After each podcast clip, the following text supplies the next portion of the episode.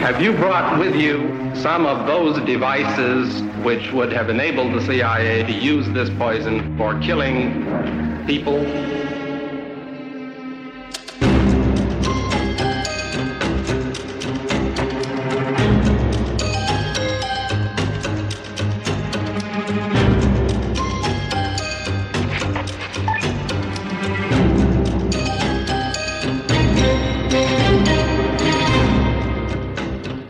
Så er det jo en stay behind-historie. Ah, nu presser du.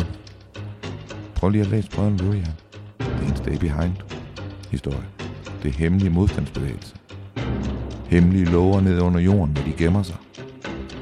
Forrædere i blandt sig. Overmægtig fjende. Besat. Du lytter til det hemmeligste af det hemmelige. Et program om den kolde krigs hemmeligheder. Mit navn er Anders Christiansen, og med i studiet er dokumentarist Christian Kirk Muff. Brødren Løvehjert er en stay behind-fortælling, og Astrid Lindgren har jo grund til at kunne fortælle den, fordi at, øh, hun arbejder jo som sekretær for Revolver Harry. Og når du spørger, når du læser de her ting, vi har læst, så ved man, at han er en af dem, der træner alle de folk, der bliver hemmelige agenter for Sverige senere hen. Det er rigtigt. Du har talt varmt for, Christian, at vi skal lave en øh, episode, der hedder Det smukkeste er det smukke. Yep. Hvor vi taler om, om Sverige, og vi godt kan lide Sverige, og præsenterer nogle gode ting med Sverige. Altså sådan nærmest et kulturprogram eller hvad. Altså jeg, jeg indrømme, lige inden vi gik ind i studiet, så kiggede jeg dig i øjnene og sagde, at hva, hva, hvorfor skal vi egentlig lave det her? Altså har vi glemt, hvad vi er for et program? Der er enormt mange grunde til, at vi skal lave det her. Og, og lad os bare sige det samme. Det kommer ikke til at handle om mor og efterretningstjenester og noget, der løser nogle ting omkring den 28. februar 1986 og mord på Olof Palme.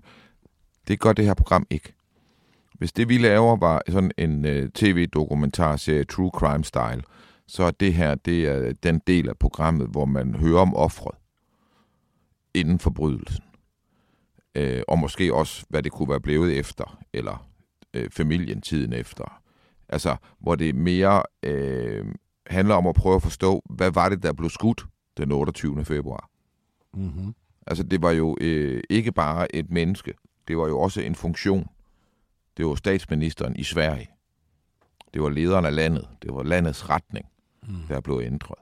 Øh, øh, så hvad var det der for et land? Hvad er det for et land? Og det, det kan du sige, det er en måde at, at sige, at det er relevant at kigge på det her der er sådan en anden ting, som er sådan helt mental hygiejnisk for dig og mig. altså, øh, du slog hovedet på sømmet, da vi gik rundt op i Stockholm, og pludselig siger til mig, alle de andre turister, der har ligesom mig første gang, eller dig på besøg, de går rundt i Sverige 2023, og vi går rundt den 28. februar 86. Mm. Og jeg forstod mig det samme, hvad du mente, fordi jeg satte næsten gamle politibiler ind i gadebilledet, når jeg kiggede, øh, baseret på gamle fotos og sådan noget, ikke? Og, og, øh, og så gik det op for mig, at vi snakker så meget om Sverige, jeg har snakket så meget om Sverige, du og jeg, og mange af dem, der lytter med, har hørt så mange timer om Sverige, at vi kun ser det her fantastiske land igennem et skudsår. Altså, vi går ind igennem det grimmeste af det grimme. Mm. Altså dybest set faktisk det grimmeste af det grimme overhovedet. Øh, og det kunne bare være godt, måske også for forståelsen af, hvad der sker den dag.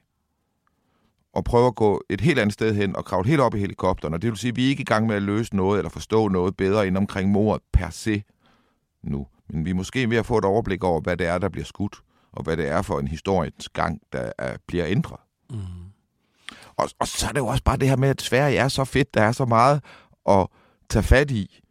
Altså, når vi har talt om Sverige, har vi jo talt meget om et, et system, der synes at modarbejde sine egne borgere, øh, evig mørklægning, dumme politibetjente, nazister, der er altså aristokratiske nazister, som om, at det hele, bag det hele, sidder der nogle fæle, ulækre nazister på nogle gamle borge rundt omkring.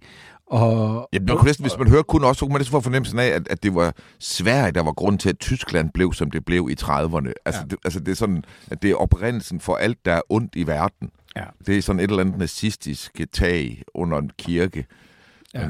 Altså, i Sverige. Altså nej, sådan er det jo ikke. Nej, sådan er det ikke. Og vi har også begge to øh, fortalt hinanden flere gange, hvor meget vi elsker Sverige. Det er jo det, du sagde det også lige pludselig på turen, bare sådan nærmest sådan, jeg elsker Sverige. Og jeg har det på samme måde, det er jo det, er jo det der også har drevet den her interesse. Øh, så derfor var det også berettiget at prøve at kigge på, hvorfor det? Altså, hvor, hvad er det? Altså, der er jo også en ekstra smerte ved palmemordet. Mm. Fordi at noget af det, der dør med ham, er, er også noget, som faktisk, øh, nu tænker jeg jo over det, det, det er jo også en god anledning, sådan en, en opgave som den, vi stiller os selv i dag. Der har jo aldrig været noget lignende Sverige. Altså, Sverige fra 2. verdenskrig til 86, hvis vi siger, det er en epoke, så er det jo... Øh, så tænker jeg så over, hvad kan man sammenligne det med? Det sker en gang imellem i verdenshistorien, at et sted, der ligger langt fra Alfavej, af forskellige årsager bliver verdens rigeste område. Hvis man går rundt ude i øh, ørkenen i Rajasthan i Indien, så kommer man til sådan nogle gamle bystater, som var en del af, af hvad hedder det, Silkeruten. Og det gjorde, altså det gjorde de der bystater til de rigeste af de rige. Hmm. Og det var de i Du finder verdens største samling af Bentley'er bilen Bentley'er. Verdens største samling af Bentley'er. Den holder midt ude i ørkenen der, i et kæmpe palads. Det er naturstridigt, at man skal blive så rig ude i en ørken. Men nogle gange så falder kortene sådan. Mm.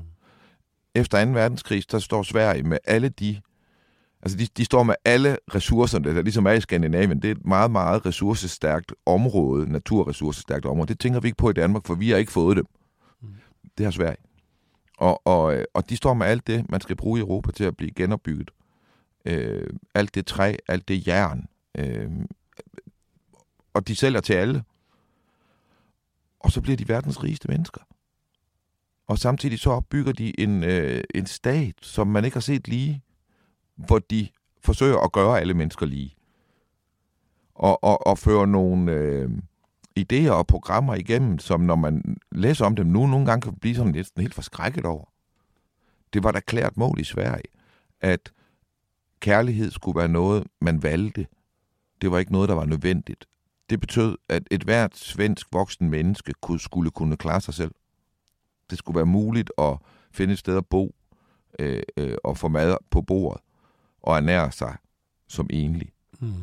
Sådan at alle de parforhold, der var i Sverige, det var ægte kærlighed. Mm, det var smukt. Det er jo en god idé. Det førte måske også til en udstrakt ensomhed. Mm. Øh, fordi nogle gange, så skal man have et push ind i et parforhold, måske. Mm. Det har også sparet rigtig mange kvinder og mænd for at være i øh, røvsyge parforhold. Ja, måske. Nej, det er helt sikkert, det har. Ja. Men, men, men det er bare for at sige, det er nogle vilde ting. Så er der ikke mere for den statsbetalte 25 øre. Efter 24-7's lukning er det hemmeligste af det hemmelige blevet en podcast, du skal betale for. Gå ind på hjemmesiden dethemmeligste.dk og læs mere om, hvordan du fortsat kan lytte til det hemmeligste af det hemmelige.